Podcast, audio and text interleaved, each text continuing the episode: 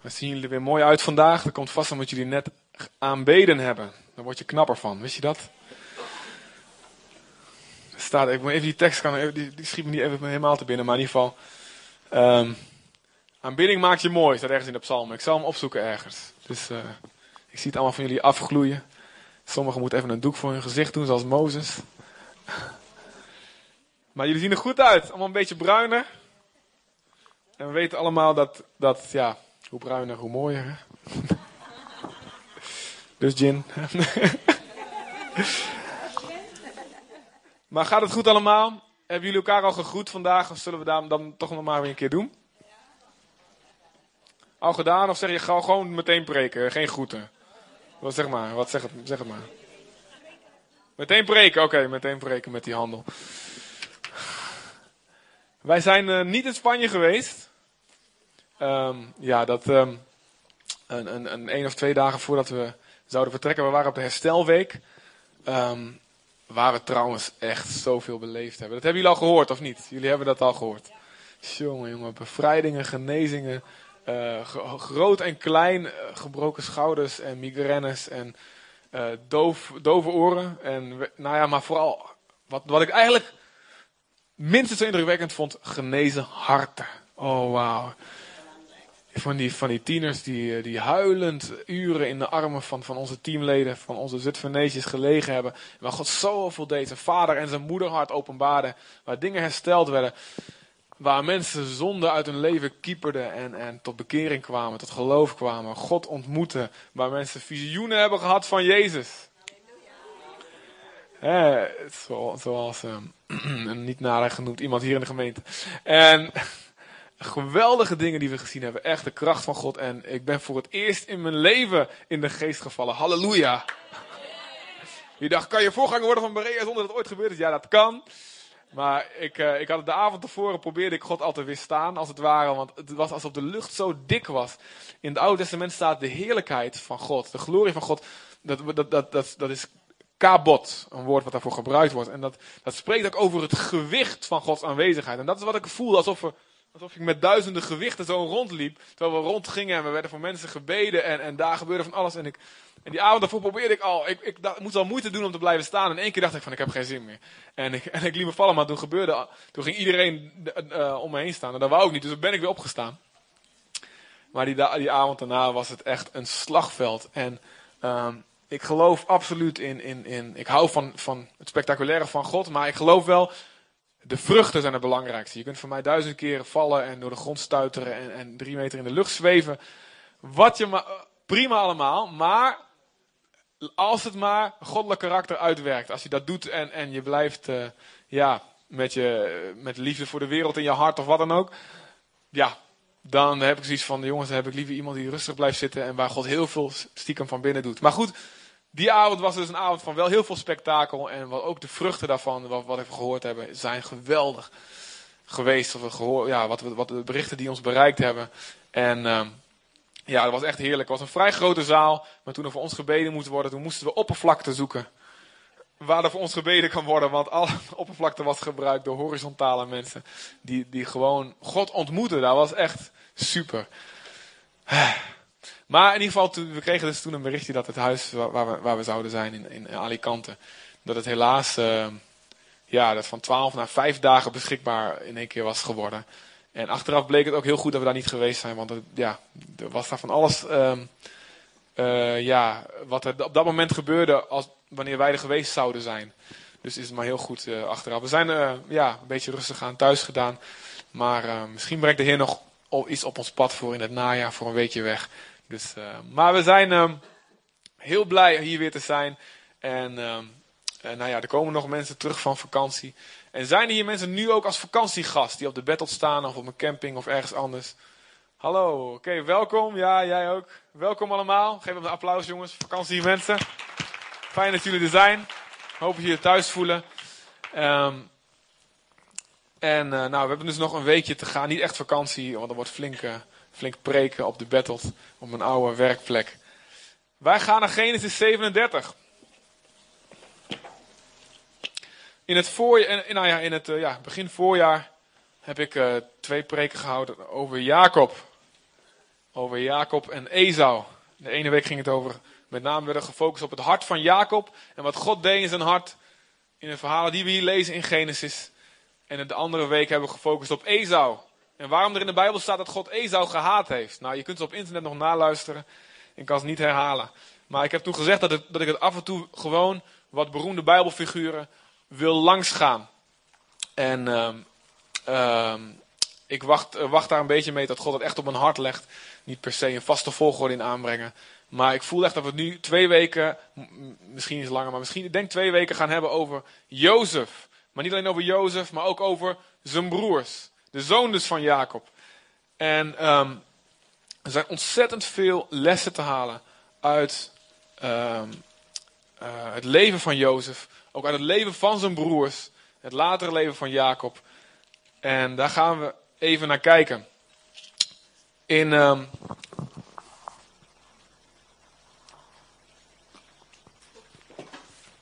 Genesis 37. we gaan flinke stukken Bijbel lezen. Vinden jullie dat goed?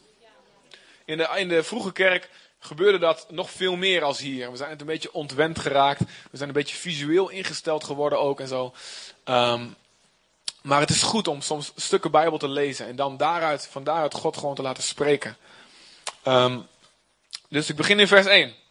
En ik lees uit de MBV, want voor langere stukken leent dat zich wat beter. Al vind ik dat hij niet altijd, de, ja, je mist soms wat rijkdom in de vertaling. Dus ik zie heel erg uit naar de herziene statenvertaling die er aankomt. Uh, dat, uh, dat is, uh, ja, dat ziet er wel goed uit. Wat je nu op internet kan, je kan op internet al een paar boeken, ja, een heel groot deel van de boeken al lezen. Het ziet er goed uit. Het is goed leesbaar en het is ook goed trouw aan eigenlijk wat er eigenlijk staat, zeg maar. En ik vind dat deze vertaling toch een beetje te, ja, te veel te veel vrijheid heeft gekozen, zeg maar. Maar dat is, is prima. Dat is een prima vertaling verder. En ik lees er nu ook uit. Jacob vestigde zich in Canaan, het land waar ook zijn vader gewoond had. En dit is de geschiedenis van Jacob en zijn nakomelingen. Jozef, die inmiddels 17 jaar was, weide gewoonlijk samen met zijn broers de schapen en geiten. Hij hielp de zonen van zijn vaders vrouwen. Let op, hier komen leuke tips voor mensen die nog kinderen krijgen. Bilha en Zilpa. Bilha, niet Bilhaar. Bilha. Ik, ik hoor jullie wel, al jullie gedachten. Dus ik uh, vang dat allemaal profetisch op. Bilha en Zilpa.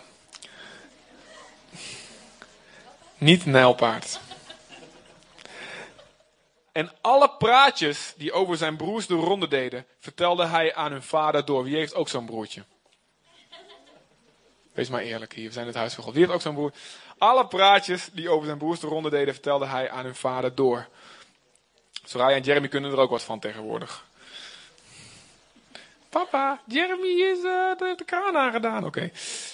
Vers 3. Omdat Israël al oud was, Israël is dus de nieuwe naam van Jacob. Omdat Israël al oud was toen Jozef werd geboren, hield hij meer van Jozef dan van zijn andere zonen. En hij had een prachtig bovenkleed voor hem laten maken in allerlei kleuren. De broers zagen wel dat hun vader het meest van Jozef hield. En daarom konden ze Jozef niet uitstaan en konden geen vriendelijk woord voor hem af. Nou, heel even, ik stop weer heel even hier. Dezelfde zonde die zijn vader en zijn moeder ook begaan hadden die, waar hij, ja, hij had niet, Jacob had moeten weten de pijn die dat brengt. Uh, Isaac, die hield meer van Esau.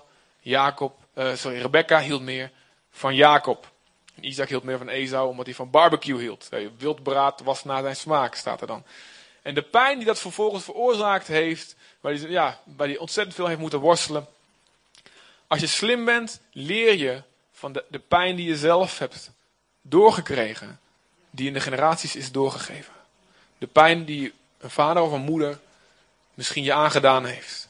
Door een gebrek aan liefde of door een favoriet, eh, dat de ander de favoriet was. Of door uh, geweld of, of, of wat dan ook. Als je slim bent, leer je van de fouten van de generaties en breek je ermee. Het is ook belangrijk dat we ons bekeren. Uh, niet alleen van onze eigen zonde, maar ook ons bekeren uit de generatie, uit het geslacht waar we vandaan komen. Niet dat we verantwoordelijk zijn voor hun, voor hun de zonde van onze ouders, dat zijn zij zelf. Maar wel, we moeten ons duidelijk daaruit bekeren, ook uit onze cultuur. Nou, Jacob geeft hier helaas dezelfde fout weer door. En dat heeft gevolgen. Het heeft gevolgen. En natuurlijk kun je zeggen, ja, die broers, oké, je vader heeft een favoriet, dat is niet goed. Maar die broers, ja, die moeten ook verantwoordelijkheid nemen voor weer hun reactie daarop. Maar aan de andere kant is het wel begrijpelijk. Maar het is niet goed. Het is met zonde heel vaak zo. God begrijpt vaak waarom we zondigen. Maar dat betekent niet dat het goed is. Hij houdt ons wel ervoor verantwoordelijk. De broers, en daar zullen we volgende week meer over hebben, over die broers, over het hart van die broers. En hoe God daarmee aan de gang gaat. Die uiteindelijk ook de vaders van Israël worden, de twaalf stammen. Maar de broers worden jaloers. Ze konden hem niet uitstaan en er kon geen vriendelijk woord voor hem vanaf. En op een keer had Jozef een droom, vers 5. Toen hij die aan zijn broers vertelde, kregen ze een nog grotere hekel aan hem. Moeten jullie eens horen wat ik heb gedroomd, zei hij. We waren op het land schoven aan het binden en toen kwam mijn schoof overeind en bleef rechtop staan. En jullie schoven gingen om en die van mij, oh sorry, jullie schoven gingen, gingen om die van mij heen staan en bogen daarvoor. Zijn broers zeiden, dacht je soms koning over ons te worden? Wil je over ons heersen? En vanwege dat gepraat over zijn dromen gingen ze hem hoe langer hoe meer haten. Opnieuw kreeg hij een droom die hij aan zijn broers vertelde. Ik heb alweer een droom gehad, zei hij. En nu bogen de zon, de maan en elf sterren zich voor mij neer. Toevallig elf sterren. Toen hij dit aan zijn vader en zijn broers vertelde, wees zijn vader hem terecht. Zeg, wat is dit nou voor een droom? Moeten ik, je moeder en je, en je broers ons soms voor jou komen neerbuigen? De broers konden Jozef wel vermoorden. Maar zijn vader bleef nadenken over wat er gebeurd was. Zij bestrafte hem, maar toch dacht hij, hé, hey, zou hier iets in zitten? Nou heb ik te veel rare dromen gehad en te veel rare dromen gehoord van anderen om te geloven dat elke droom een boodschap van God heeft. In prediker staat, de, de droom komt door veel bezigheid. Maar, aan de andere kant staat er ook in de Bijbel dat God wel door sommige dromen heen spreekt. En misschien wel meer dan wij denken. Dus we moeten het ook niet meteen dingen aan de kant schuiven. Nou, God sprak tot Jozef door deze dromen heen. En later in de verhaal van Jozef komen nog meer dromen voor. dromen van de schenker, van de bakker en van de farao. En God spreekt hier tot Jozef over zijn bestemming. Maar soms is het wijs om niet aan iedereen rond te bazuinen wat God je laat zien. De bestemming die hij op je leven heeft. Soms moet je eens nadenken, is dit nu handig als ik dit nu aan mijn broers en mijn vader en alles ga vertellen? Ik weet niet, er staat geen waardeoordeel in de Bijbel bij. Misschien was het wel, ja, was het wel goed. Ik weet het niet. Maar het lijkt mij um, niet zo handig van Jozef. Dus ook zelf, het is belangrijk om wijs te zijn. Tegen wie is het een veilige omgeving waar je je dromen deelt? Of is het een omgeving waar je eerder afgemaakt kan worden? Om dingen die je op je hart hebt, die wel absoluut waar zijn, maar wees wijs daarin. Nou, Jozef was nog maar 17, dus we zullen het hem vergeven. En um, um, nu denk ik alle 17-jarige, jippie, ik mag alles doen. Nee, um, we zien hier wat er gebeurt. De broers konden hem wel vermoorden.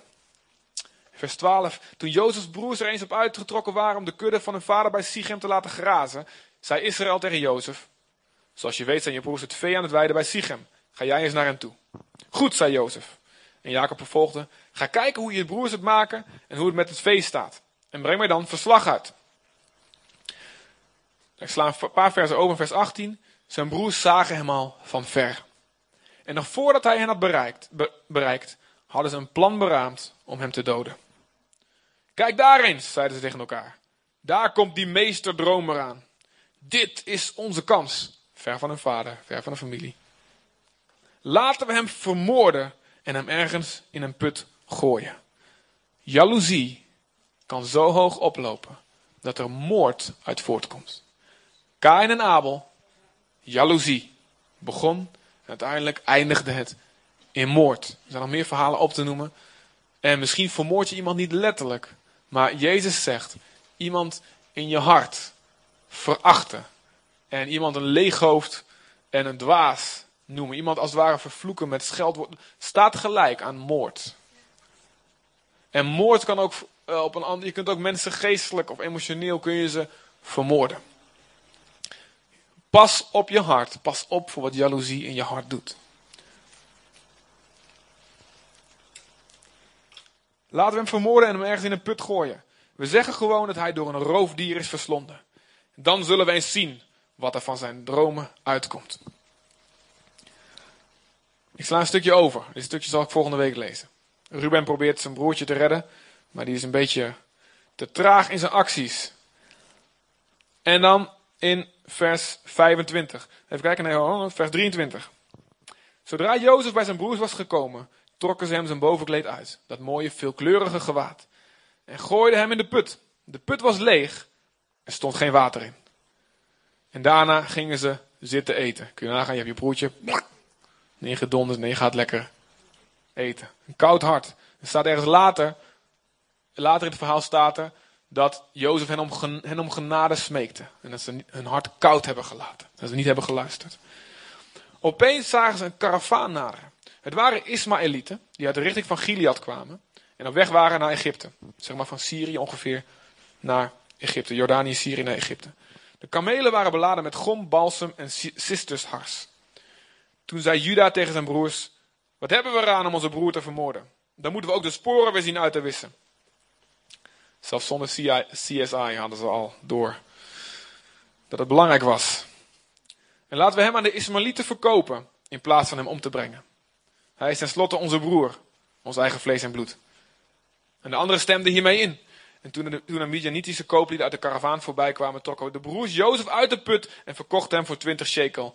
En die Ismaëlieten namen Jozef mee naar Egypte.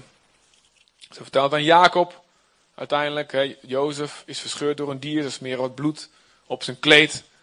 En Jacob is ontroostbaar.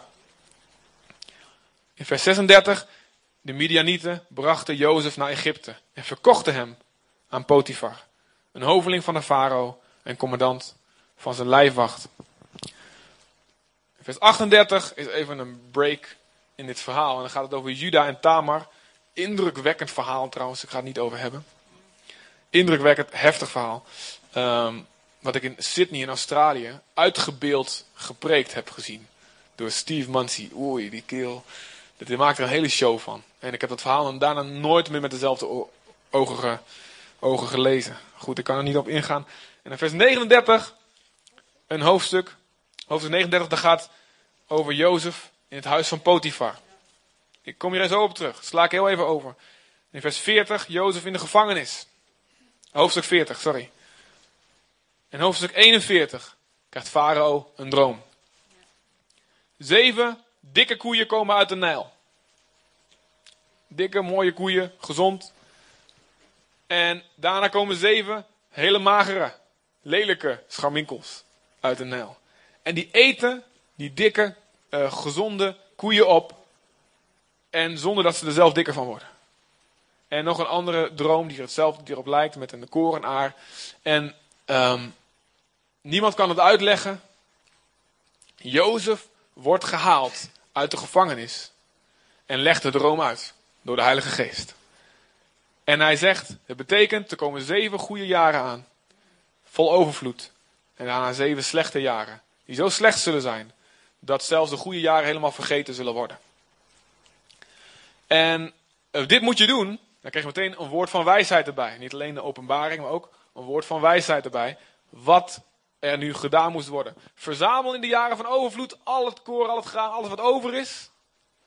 In de schuren. En daarna in de goede jaren kun je dat uitdelen en verkopen aan de mensen.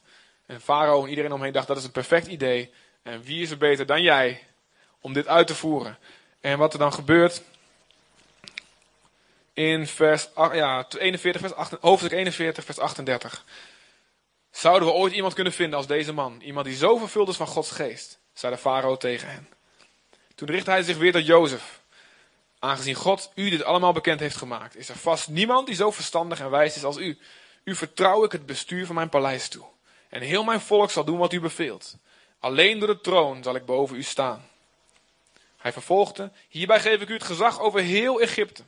En hij deed zijn zegelring af, schoof die aan Jozefs vinger, gaf hem kleren van fijn linnen en hing hem een gouden keten om de hals. Hij liet hem rondrijden in de op één na mooiste wagen die hij bezat en voor Jozef uitgingen dienaren die roepen, die riepen eerbied. En zo stelde hij Jozef aan over heel Egypte. Jozefs droom komt uit later Volgende week hebben we het er meer over. Later komen zijn broers buigen voor hem. De droom komt uit. Hoe komt Jozef op die plek? Wat gebruikt God om hem in zijn droom, in zijn bestemming te brengen? Wat gebruikt God? En hoe komt hij daar? En wat moet hij doorstaan? Jozef was 17 jaar oud toen hij die dromen kreeg. En toen hij die put gegooid werd. En er staat er in um, vers 41, vers 46, staat dat hij 30 jaar was toen hij onderkoning werd. Wat is er in die 13 jaar gebeurd? 13 jaar, let op, dat begint nu en dat eindigt in 2022. 13 jaar. In Romeinen 8, vers 28. Dat is een hele belangrijke tekst die je uit je hoofd moet kennen. Amen? Yes. Ik ken, hem, ik ken teksten uit mijn hoofd in de MBG, dus die pak ik even erbij. Oh, sorry. Die je uit je hoofd moet kennen om te overleven.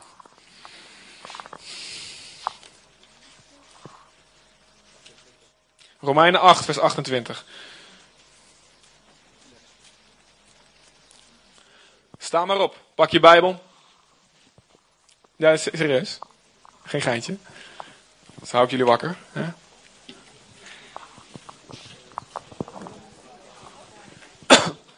Romeinen 8, vers 28. Ik heb de MBG. Dus spreek mij maar na. Dit moet je uit je hoofd kennen. Oké, zeg maar Romeinen. 8, vers 28. Wij weten nu dat God alle dingen doet meewerken ten goede voor hen die God lief hebben. Nog een keer. Wij weten nu dat God alle dingen doet meewerken ten goede van hen die hem lief hebben. Laatste keer. Wij weten nu dat God alle dingen doet meewerken voor hen die hem lief hebben. Welke dingen? Voor wie? Amen. Ga maar zitten. Onthouden. Maar. alle dingen. Staat er alleen alle goede dingen? Ook de slechte dingen. Wil God, hey, wacht, was het Gods wil dat Jozef, dat Jozef's broers hem in de put gooien? Nee en ja, hè? Ja en nee. Goed zo. Nee. Was het Gods wil dat Adam en Eva vielen in zonde? Nee. Nee. Maar God is niet verrast. En God weet wat in ons hart leeft. God weet wat er gebeurt. En God raakt niet in paniek. God geeft Jozef een droom. En, en wij denken vaak in een rechte lijn. Oh, hier, zoon van Jacob. En dan stap voor stap promotie omhoog. En dan komt hij daar in Egypte, of nou ja, op een koningspositie, waar dan ook. Zo denken wij vaak. God denkt anders. God weet, jaloezie in het hart, wat er gebeurt. En God gebruikt het kwaad. God gebruikt Satan om zijn plan te vervullen. Het kruis is het grootste voorbeeld. Staat als de duivel wist wat God zou doen met het kruis, staat er in de Bijbel, had hij het niet gedaan. Dus de duivel is niet alwetend. Halleluja. Als de duivel wist wat er gebeurd was met het kruis, dat er miljoenen, miljoenen, honderden, miljoenen, misschien wat, ja, miljarden mensen gered zouden worden, genezen zouden worden, bevrijd zouden worden. ook hier had hij het niet gedaan. Maar hij wist het niet. Is al het kwaad dan? Gebruikt God al het kwaad? Nee, niet al het kwaad. Het wordt ten goede gekeerd voor wie? Voor hen die hem lief hebben. Voor hen die hem niet lief hebben, is het kwaad zinloos. Totdat ze hem beginnen lief te hebben. Jozef had God lief. Jozef had God lief. En Jozef hield vast aan God. Dertien jaar. En daarna nog een keer zeven jaar minstens, voordat hij zijn broer nog weer zag. Jozef had God lief. En God gebruikte de jaloezie en de moordlust van zijn broers. En alles wat er daarna gebeurde. Wat is God liefhebben? Een fijn gevoel naar boven? Dat hoort erbij. Fijn gevoelens naar boven. Essentieel en onmisbaar. Maar dat uitzicht Jezus zegt, hij is het die mij lief heeft, die mijn geboden bewaart. Het uitzicht ook in het soms een positie innemen, keuzes maken. Op momenten dat het erop aankomt dat niemand kijkt. Yes. Jozef kreeg een interessante verleiding op zijn pad. Mensen die op herstel zijn geweest, zijn niet zo, ja, was een klein clubje. Jullie kennen dit. Hoofdstuk 39. Even terug. Hoofdstuk 39, vers 1.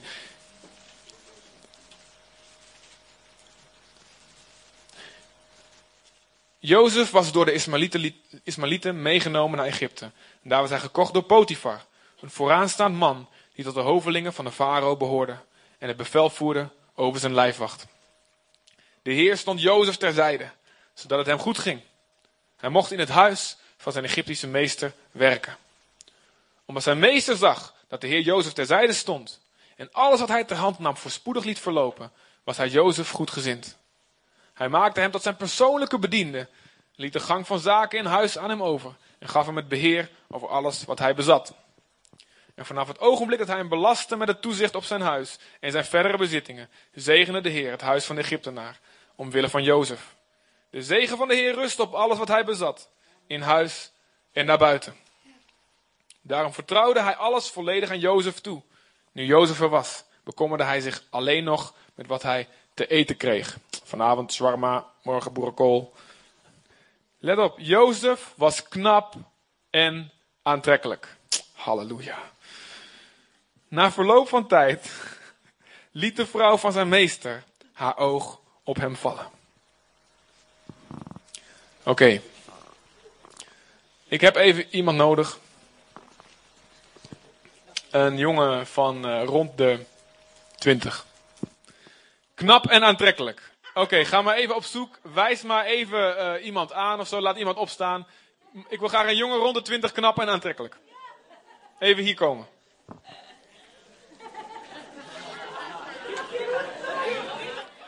Knap en aantrekkelijk. Kom maar, kom maar. Voel je je aangesproken? De geest zegt, dat ben jij.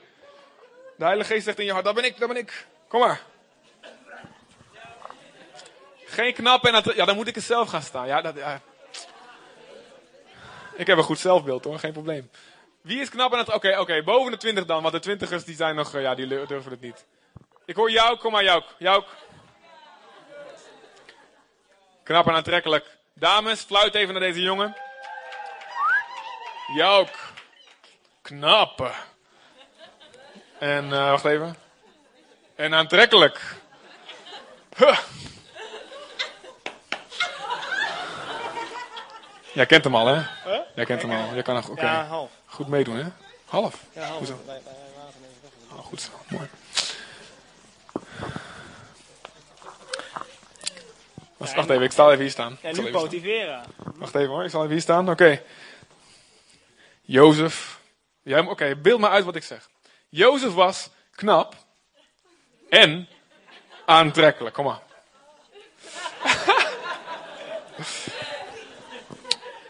ik heb nog iemand nodig. Ik heb de, meest, uh, de vrouw die het meest verleidelijk kan kijken in deze zaal nodig. En ze moet ouder zijn dan jou, dat is de enige voorwaarde, want ze was een oudere vrouw. Dus de meest, degene die het meest verleidelijk kan kijken. Hoe oud ben je? 20. 20, ouder dan 20. Wie kan het meest verleidelijk kijken hier? Wijs maar iemand aan, maakt niet uit wie. Mirjam, oké. Oefen even in verleidelijk kijken naar de zaal. Ja, naar de zaal even. Ja, kun je verleidelijk beweging, een loopje ook erbij, een loopje? Wauw. Oké. Um, dat is een beetje te... Dat doen we niet in de kerk. Um,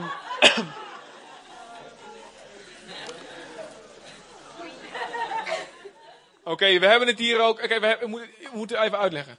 Uh, Egyptische uh, hoge ambtenaren krijgen uh, geen lelijke vrouwen. Hè? Dus deze vrouw die Jozef zo gaat aanvallen. Bereid je even voor. Nagels gesle, ges, geslepen. Er was een knapperd. Was een, goeie, was een, een uh, ja, uh, kandidaat voor Miss Genesis. Hè? Um, ik bedoel, je had nog wat knappe vrouwen in, in Genesis. Uh, ik bedoel, Rachel, Rebecca. Sarah schijnt een spetter te zijn geweest. Want zo tegen de, tussen, rond de 80, 90 jaar oud moest Abraham zeggen dat, die, dat, dat, dat ze zijn zus was. Want anders zou ze geroofd worden door de Egyptenaren. Dat, werd, dat gebeurde ook als het ware. Zo knap was ze met die leeftijd. Dus dames van boven de, boven de 70, halleluja. De Heer vernieuwt je jeugd als van een arend. Dus dat was waarschijnlijk de Miss Genesis, Sarah. Maar um, uh, Poti, Potifera kon er ook wat van. Dus. En er staat hier dat ze in, op een bed lag. Zoek even een plek om te liggen ergens. Een plek waar wel mensen kunnen zien. Misschien hebben we hier op de trap of zo. En. Um,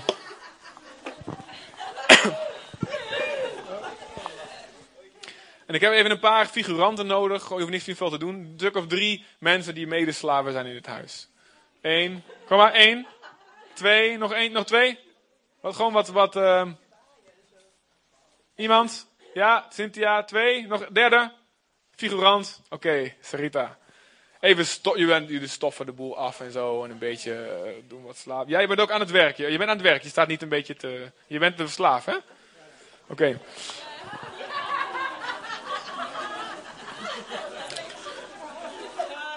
Niet de boel slopen, dat doen slaven niet. Wacht even, wacht even. Ik vertel het. Ja, dat is een goeie. Na verloop van tijd liet de vrouw van zijn meester haar oog op hem vallen. Kom bij me liggen, zei ze. Maar, even uitbeelden. Maar dat weigerde hij. Sinds ik hier ben, zei hij, maakt mijn meester zich geen zorgen meer over wat, wat dan ook hier in huis. En hij heeft mij het beheer gegeven over al zijn bezittingen. Een beetje praten met je handen, een beetje uitbeelden. Hoe zou ik dan zo'n grote wandaad kunnen begaan? En zo kunnen zondigen tegen God? Dag in, dag uit probeerden ze Jozef over te halen. Dag in, dag uit. Je moet wel een beetje doorwerken. Dag in, dag uit. Dag in, dag uit. Oké, let op. Niet eenmalige verleidingen.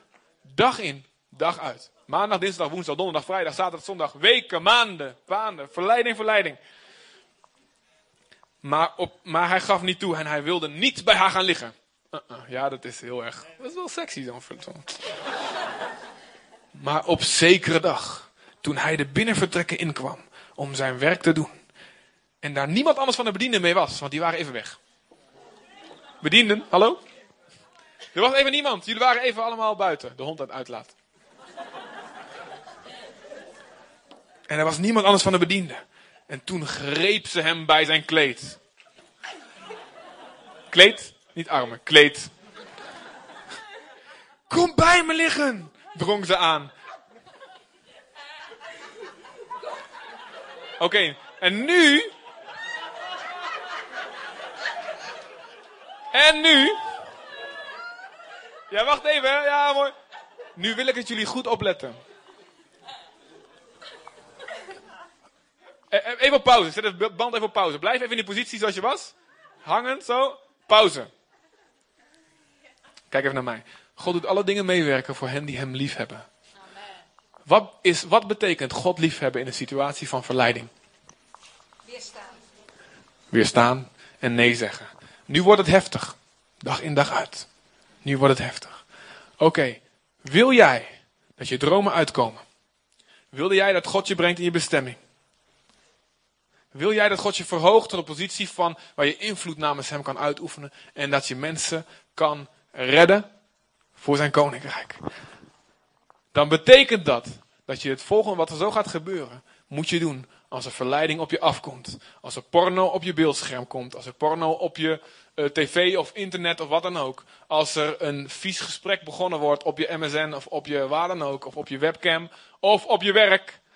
Of als er wat voor andere verleiding dan ook, en ik heb het niet alleen over seksuele verleiding, alhoewel het een grote rol is in deze maatschappij, ook over andere verleidingen, wat dan ook, wat je van God afhoudt. Let op wat er gaat gebeuren en wat jij moet doen, als de verleiding dagelijks op je pad komt en als hij zo heftig je aangrijpt. Oké, we gaan verder, we gaan verder. Even wachten. Blijf maar aan zijn kleed trekken, aan zijn kleed, aan zijn kleed. Je moet zijn kleed flink trekken. Niet te veel, hè? Ja, anders dan vergoeden we het wel hoor. De shirt zo jou ook. Wacht even. Kom bij me liggen, drong ze aan. Maar hij vluchtte naar buiten. Zijn kleed liet hij, daarachter. Hé, hey, ho, ho, ho, ho. Jou, nee, nee, nee. Zijn kleed liet hij daarachter. Kom maar. Kom maar, hij moet even bemoediging nodig. Zijn kleed liet hij daarachter. Come on. Zijn kleed liet hij... Nee, nee, nee. Help hem nou niet. Maar hij vluchtte naar buiten. En zijn Adidas, Egypte, Egyptische hieroglyphen Adidas shirt, kleed, liet hij daarachter.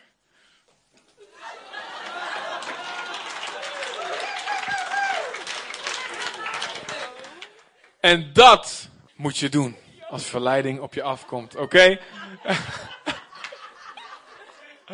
oh, Jozef, jammer. Oké, okay, Jozef, kom maar terug, jongens. Kom maar terug. Even applaus voor Jouk en voor Mirjam.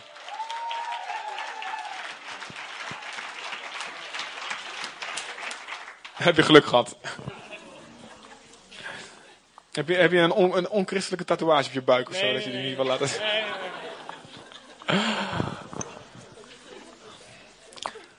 Oké, okay, 1 Korinthe 6, vers 18. Daar staat: Ontvlucht de hoererij. Ontvlucht de hoererij. Hoererij, als je dat in de, oude Bijbelse vertaling leest, dat betekent niet alleen naar de hoeren gaan. Dat valt er ook onder. Maar dat is het Griekse woord pornea, waar pornografie vandaan komt. Dat betekent alle seks buiten een verbond om, alle onwettige seksualiteit. Ontvlucht seks buiten het huwelijk. Seks binnen het huwelijk hoef je niet te ontvluchten. Halleluja.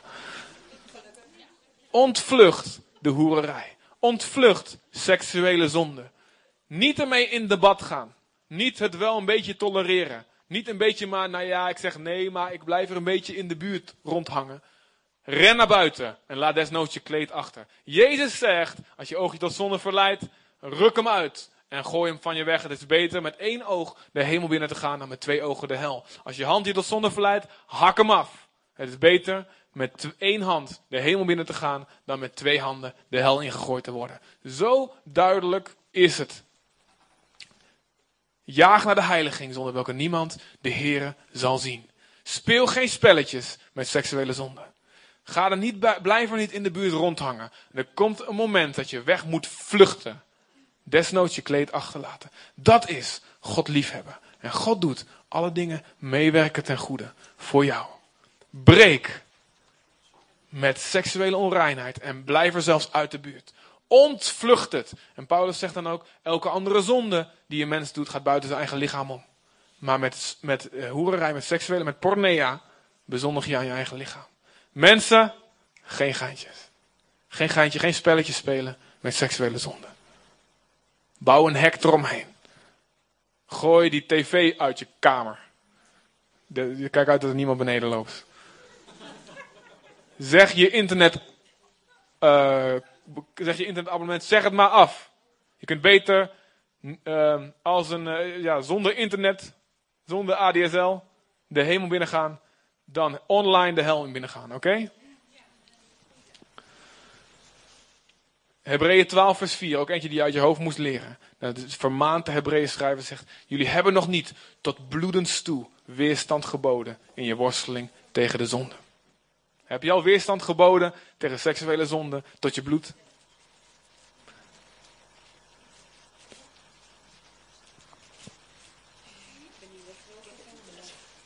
Oké. En wat het ook is, er mag niks te radicaal zijn, zegt Jezus. Hè? Handen afhakken en ogen uitdrukken is radicaal. Oké? Ja, je moet het zelf doen. Amen. Jij maakt de keuze. God doet alle dingen meewerken ten goede. En Jozef, oké, wat gebeurde? Potif Potifera, die baalde ervan en voelde zich afgewezen. en vernederd. En die denkt, oké, afgelopen. Ik krijg hem echt niet. Nou, nou zal hij het weten ook. En het kleed heb ik, nou heb ik bewijs. En ze zegt, hij heeft mij proberen te verkrachten. Potifar wordt boos. En laat Jozef in de gevangenis gooien. En wat gebeurde er in de gevangenis? Zo kwam Jozef, eh, vers 20. Hij liet Jozef oppakken en in de gevangenis zetten, die bestemd was voor de gevangenen van de koning. En zo kwam Jozef in de gevangenis terecht. Maar de Heer stond hem terzijde en bewees hem zijn goedheid door ervoor te zorgen dat Jozef bij de gevangenbewaarder in de gunst kwam. Jozef kreeg de leiding over alle gevangenen en hij hield toezicht op het werk dat ze deden.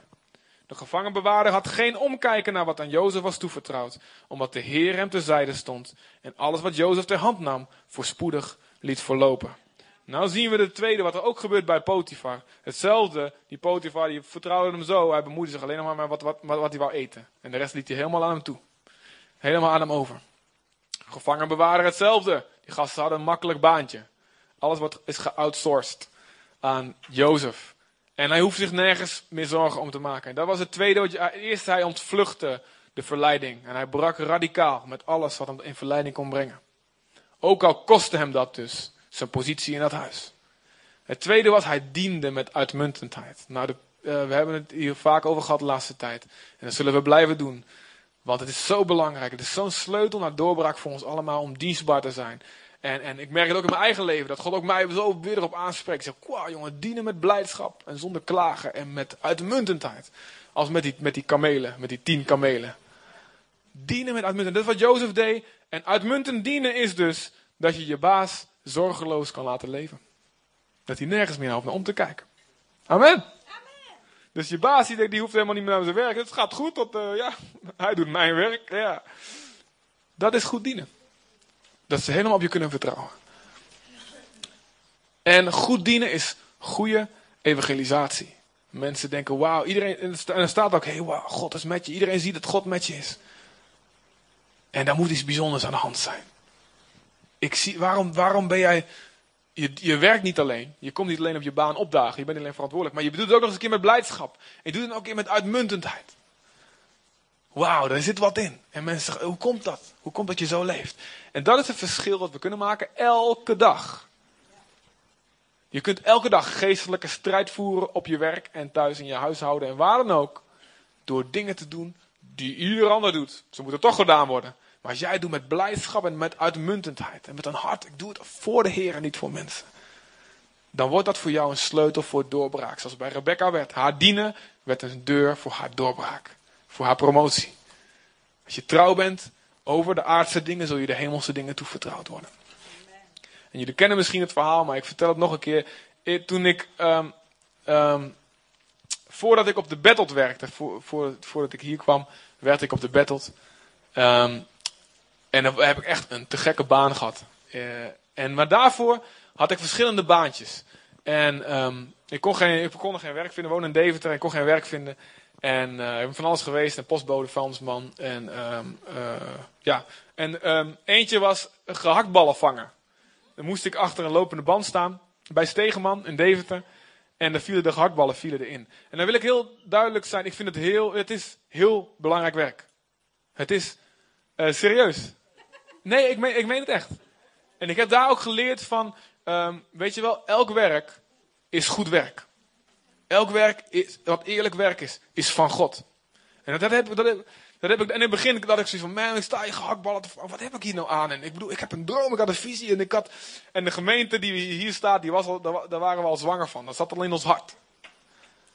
En, dus, dus het was niet, ik dacht zoiets van, ja, wat, wat, wat, moet ik hier nou mee? En ik, en ik keek een beetje op neer en ik had zoiets van, man, moet ik gehaktballen van, uh, volgende 10 kilo, volgende stapelen en zo. En een beetje spelletjes spelen. Tot God me aansprak door het verhaal van Jozef. Kijk eens wat hij deed.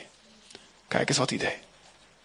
En ik heb geleerd, ook door de, uh, daar, dat het prachtig werk is. Dat elk werk, wat eerlijk werk is, van God komt. Als een therapie en als een zegen. En God zei, nu wil ik dat je de beste gehaktballenvanger gaat worden van het hele bedrijf. En als een, ja, als een dwaas. En ehm, begon ik hard te werken. Zorgen dat ik snel de boel af had. Zodat ik extra dingen kon doen. Heb je nog meer? Moeten nog meer van die kisten in de plastic zakken gedaan worden en wat dan ook. En ehm, nou, moet ik eerlijk zeggen, het, is, het heeft niet lang genoeg geduurd. Het, heeft, het is niet veel mensen opgevallen of zo. Dus ik ben niet daarna verhoogd tot hoofd opzicht gehaktbal of zo. Oppergehaktbal. Ah, het was maar eigenlijk, het was misschien maar een week of zo. Ik begon. Nu ben ik hoofd van de gehaktballen. Halleluja! Profetisch, dat ah, dank u, heer openbaar. En wat er gebeurde diezelfde week, kreeg ik een gesprek op de battles.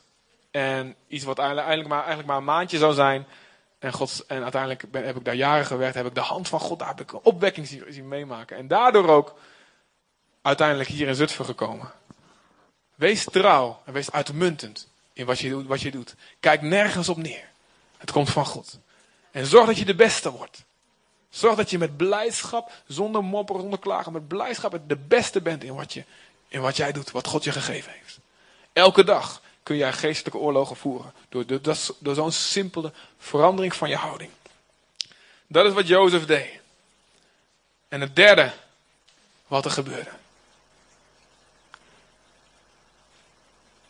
Je moet je voorstellen, Jozef, behalve dat hij wat naïef zijn dromen vertelt, had niks kwaads gedaan. Was in de put gegooid. Daarna is hij de beste slaaf.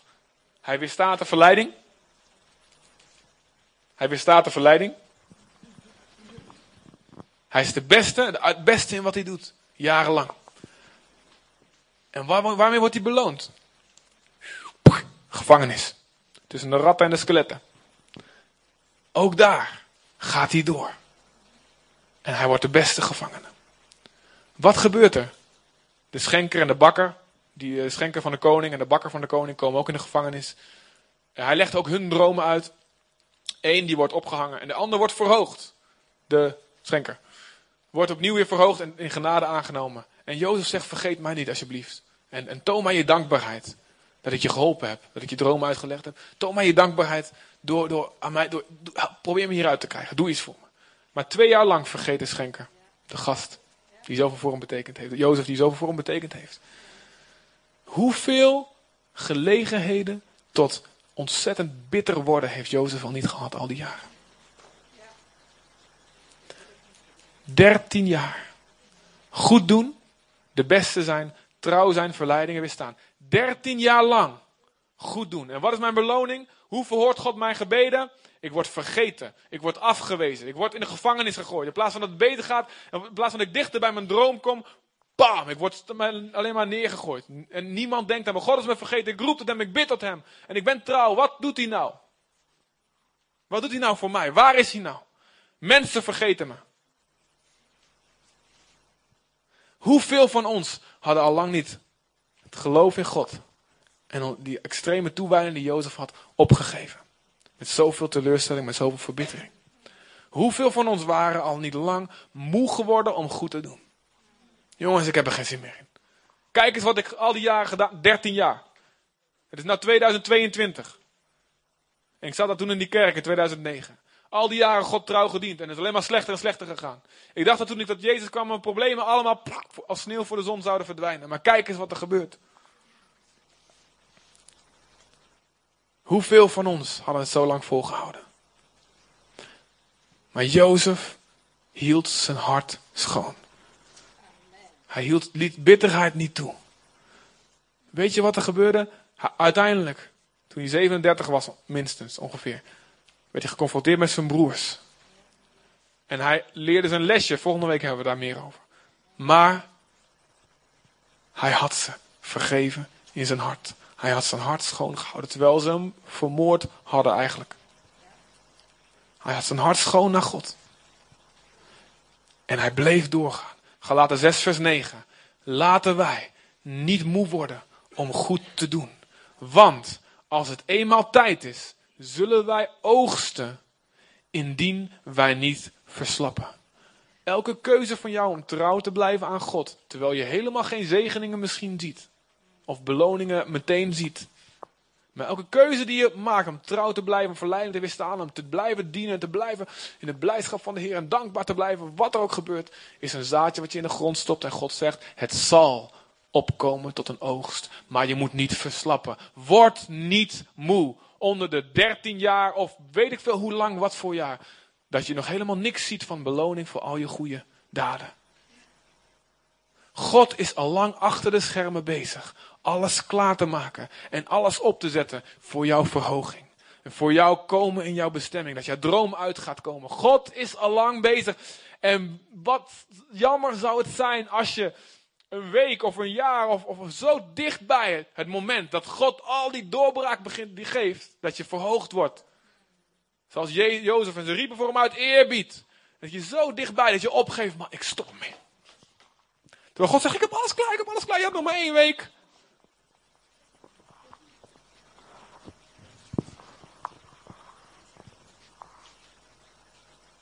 Ik had, ik had, ik had nog, ik had, je had nog maar een paar keer naar een genezingsdienst moeten gaan. Voordat God zegt, oké, dit is mijn tijd. Bam.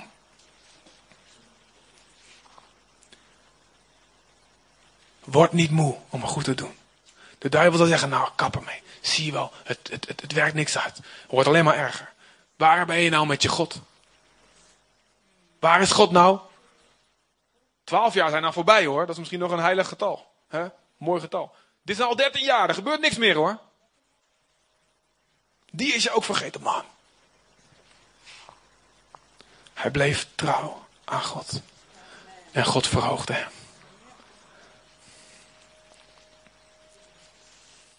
Hou je hart schoon. Door alles. Geef niet toe aan bitterheid. word niet verbitterd, niet naar mensen, niet naar God. Hou je hart schoon. Bewaar boven alles wat er te bewaren is. Bewaar je hart, want daaruit vloeien de oorsprongen, de bronnen van het leven. Boven alles wat er te bewaren valt. Meer nog dan je portemonnee, of je mobiel, of wat je ook in je kluis hebt liggen. Bewaar je hart. Daaruit stromen alle bronnen. Als die bron vervuild is, is alles wat eruit stroomt vervuild. Maar als die bron schoon is, overal waar het water komt, wordt gezond en komt te leven. Hou vast. Word niet moe om goed te doen. God zal je verhogen. En uiteindelijk wordt Jozef wordt verhoogd. En hij krijgt een mooie Egyptische dame. Hij wordt koning en, en eh, onder, onderkoning onder farao. En farao zegt, ik ben de farao, maar zonder jouw toestemming zal niemand zelfs zijn hand of zijn voet opheffen. Hij krijgt zoveel gezag en autoriteit en respect. Alles, alles werd hersteld. Later zelfs ook nog de, de relatie met zijn familie. Dat komt later. Volgende week. Maar wat zegt hij dan? Genesis 41. Sorry, Genesis. Um, ja, 41 vers 50. Nog voordat de periode van hongersnood aanbrak, kreeg Jozef twee zonen bij Asnat, de dochter van Potifera. Andere Potifera. Er staat trouwens, die vrouw van Potifar heette helemaal niet Potifera, maar dat dit was wel Potifera. De priester uit Heliopolis. En de oudste, zijn oudste zoon, noemde Jozef Manasse. En Manasse betekent doen vergeten. Waarom noemde hij hem Manasse? Omdat God hem al zijn ellende, en er staat hier het gemis van zijn familie had doen vergeten, maar er staat eigenlijk het huis van zijn vader had doen vergeten. God heeft mij al mijn ellende. En hij heeft mij zelfs de pijn van het huis van mijn vader heeft hij me doen vergeten. Dit is wat er gebeurt. Als je niet moe wordt om het goed te doen. Als je verleiding blijft staan. Als je trouw blijft dienen met uitmuntendheid. God zal je al je ellende uiteindelijk doen vergeten. En zijn tweede zoon, het tweede kind noemde hij Ephraim. En dat betekent dubbel vruchtbaar. Want, zei hij, God heeft mij vruchtbaar gemaakt in dit land. Nou, dan moet ik het lezen in de MBG. God heeft mij vruchtbaar gemaakt in het land van mijn ellende. Zullen we gaan staan? Bent, willen jullie komen en uh, vast God aanbidden? Wil je vragen je ogen te sluiten?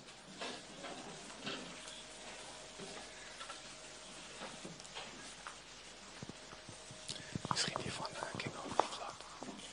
Ah, ik weet niet, King over de Vlad. Of heb je, als je een handen hebt, staat goed. Kijk maar. Nee, doe maar bekend, wel bekend. Ja. En ik wil je vragen met God te praten waar je bent. Gewoon je ogen sluiten. Misschien ben je in het land van je ellende. Misschien ben je in het land van je ellende. God zegt, ik wil je dubbel vruchtbaar maken. God zegt, ik wil je al je moeite doen vergeten. En misschien komt het pijn uit het huis van je vader. Het huis van je moeder. God zegt, ik wil je alle ellende doen vergeten. En je dubbel vruchtbaar maken. Ik wil je verhogen. Ik wil weer dat er voor je uitgeroepen wordt eerbied. Ik wil de eer die je had, die je misschien zo kwijt bent geraakt. Dat het voor je uitgeroepen wordt. Ik ben bezig een plan uit te werken achter de schermen. Via een hele andere manier misschien dan jij zelf gedacht had. Jij dacht in een rechte lijn naar boven. Maar ik ben bezig achter de schermen. Om alles voor te bereiden. Voor dat moment. Misschien meerdere momenten. Maar God besteedt zoveel hoofdstukken in zijn kostbare woord aan dit verhaal, omdat hij het zo belangrijk vindt. Het is weer een manier van een boodschap die je door heel veel verhalen en heel veel boodschappen in de Bijbel heen hoort. Ik wil alles doen meewerken ten goede van hen die mij lief hebben. Maar je hebt geloof nodig in een onzichtbare God en in een onzichtbaar proces. Je hebt geloof nodig, omdat je de dingen misschien niet meteen ziet en het misschien wel heel erg lang duurt. En voor sommigen zal het zelfs zo zijn dat je pas na je dood zal zien de beloning in zijn volmaaktheid. Maar God zegt: wees trouw tot de dood. Wees trouw. Als had de wijnstok, had de vijgenboom niet bloeien en geen vrucht aan wijnstok zijn, nochtans zal ik de Heer loven. Word niet moe om goed te doen. Als het eenmaal tijd is, zal je oogst als je niet verslapt. Blijf trouw en blijf verleiding weerstaan. Heb God lief met heel je hart, of je nou vruchten ziet of niet. En dan zal ik jou gebruiken, zegt God. Om zelfs diegenen die jou die pijn hebben aangedaan, die je voelt. Om zelfs hen tot een zegen te zijn. Dan zal ik je hart zo genezen. En zullen uiteindelijk ook zij zich voor je buigen. En zich voor mij buigen. En hun leven zal gered worden. Misschien heb je daar helemaal geen zin in. Maar God zegt, ik heb daar wel zin in. Kom maar bij mij. Ik genees je hart. Ik wil je gebruiken. Ik ben jouw God. Ik doe alles meewerken ten goede. Vader God, dank u wel.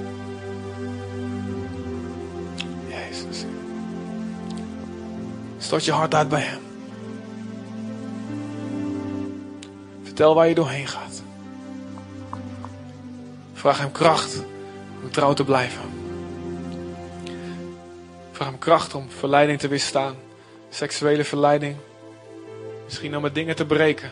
Misschien om ben je veel te lang rondom Potifera heen gehangen. Is het tijd om weg te rennen? Is het tijd om je kleed achter te laten? Is het tijd om dingen af te hakken en dingen uit te rukken? Vader, ik bid, kom hier. Kom, Vader. En bemoedig ons, Heer. Zodat we een vastberaden besluit zullen maken, Jezus. Help ons om ons hart zuiver te houden. Laat bitterheid niet in ons hart wortel schieten, Vader. Jezus, Heer.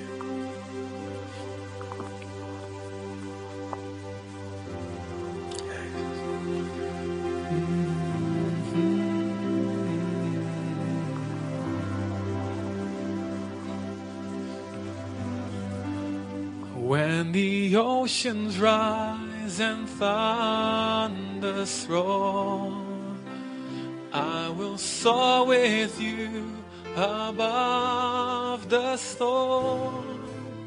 Father, you are king over the flood. I will be still and know you are God. Hide me now under your wings. Hide me. Strek je uit naar hem. Leg heel je hart aan dit lied. Under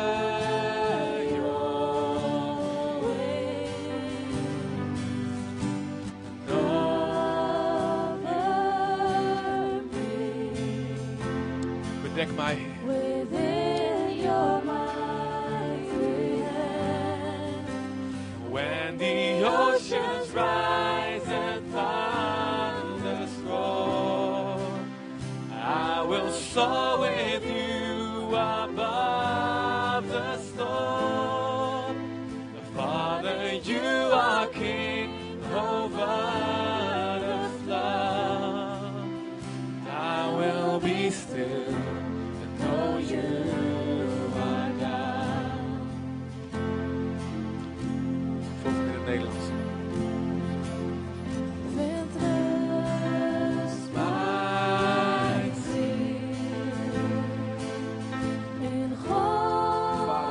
rust komen voor zielen vandaag.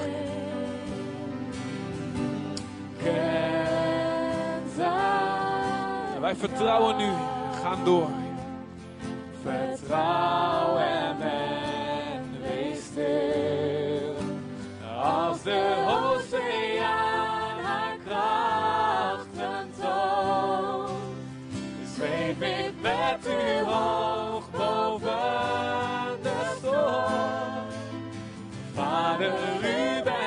Sterker. U bent groter, Heer. U bent mijn God, Heer. En dan word ik stil. U bent als de oceaan. En als de oceaan zijn leven, mij slaat, Heer. Zweef ik Met u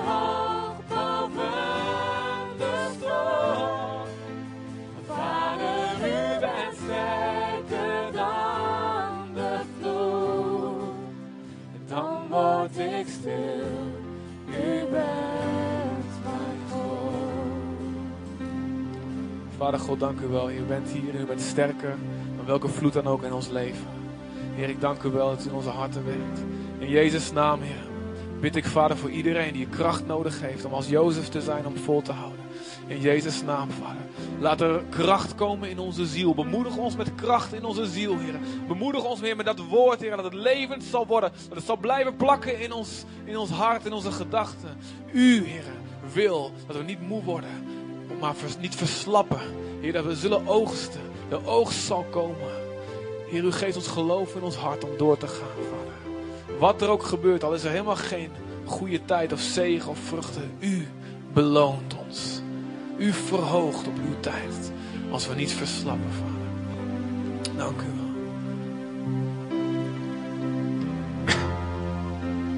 Ik dank u, Vader, Heer.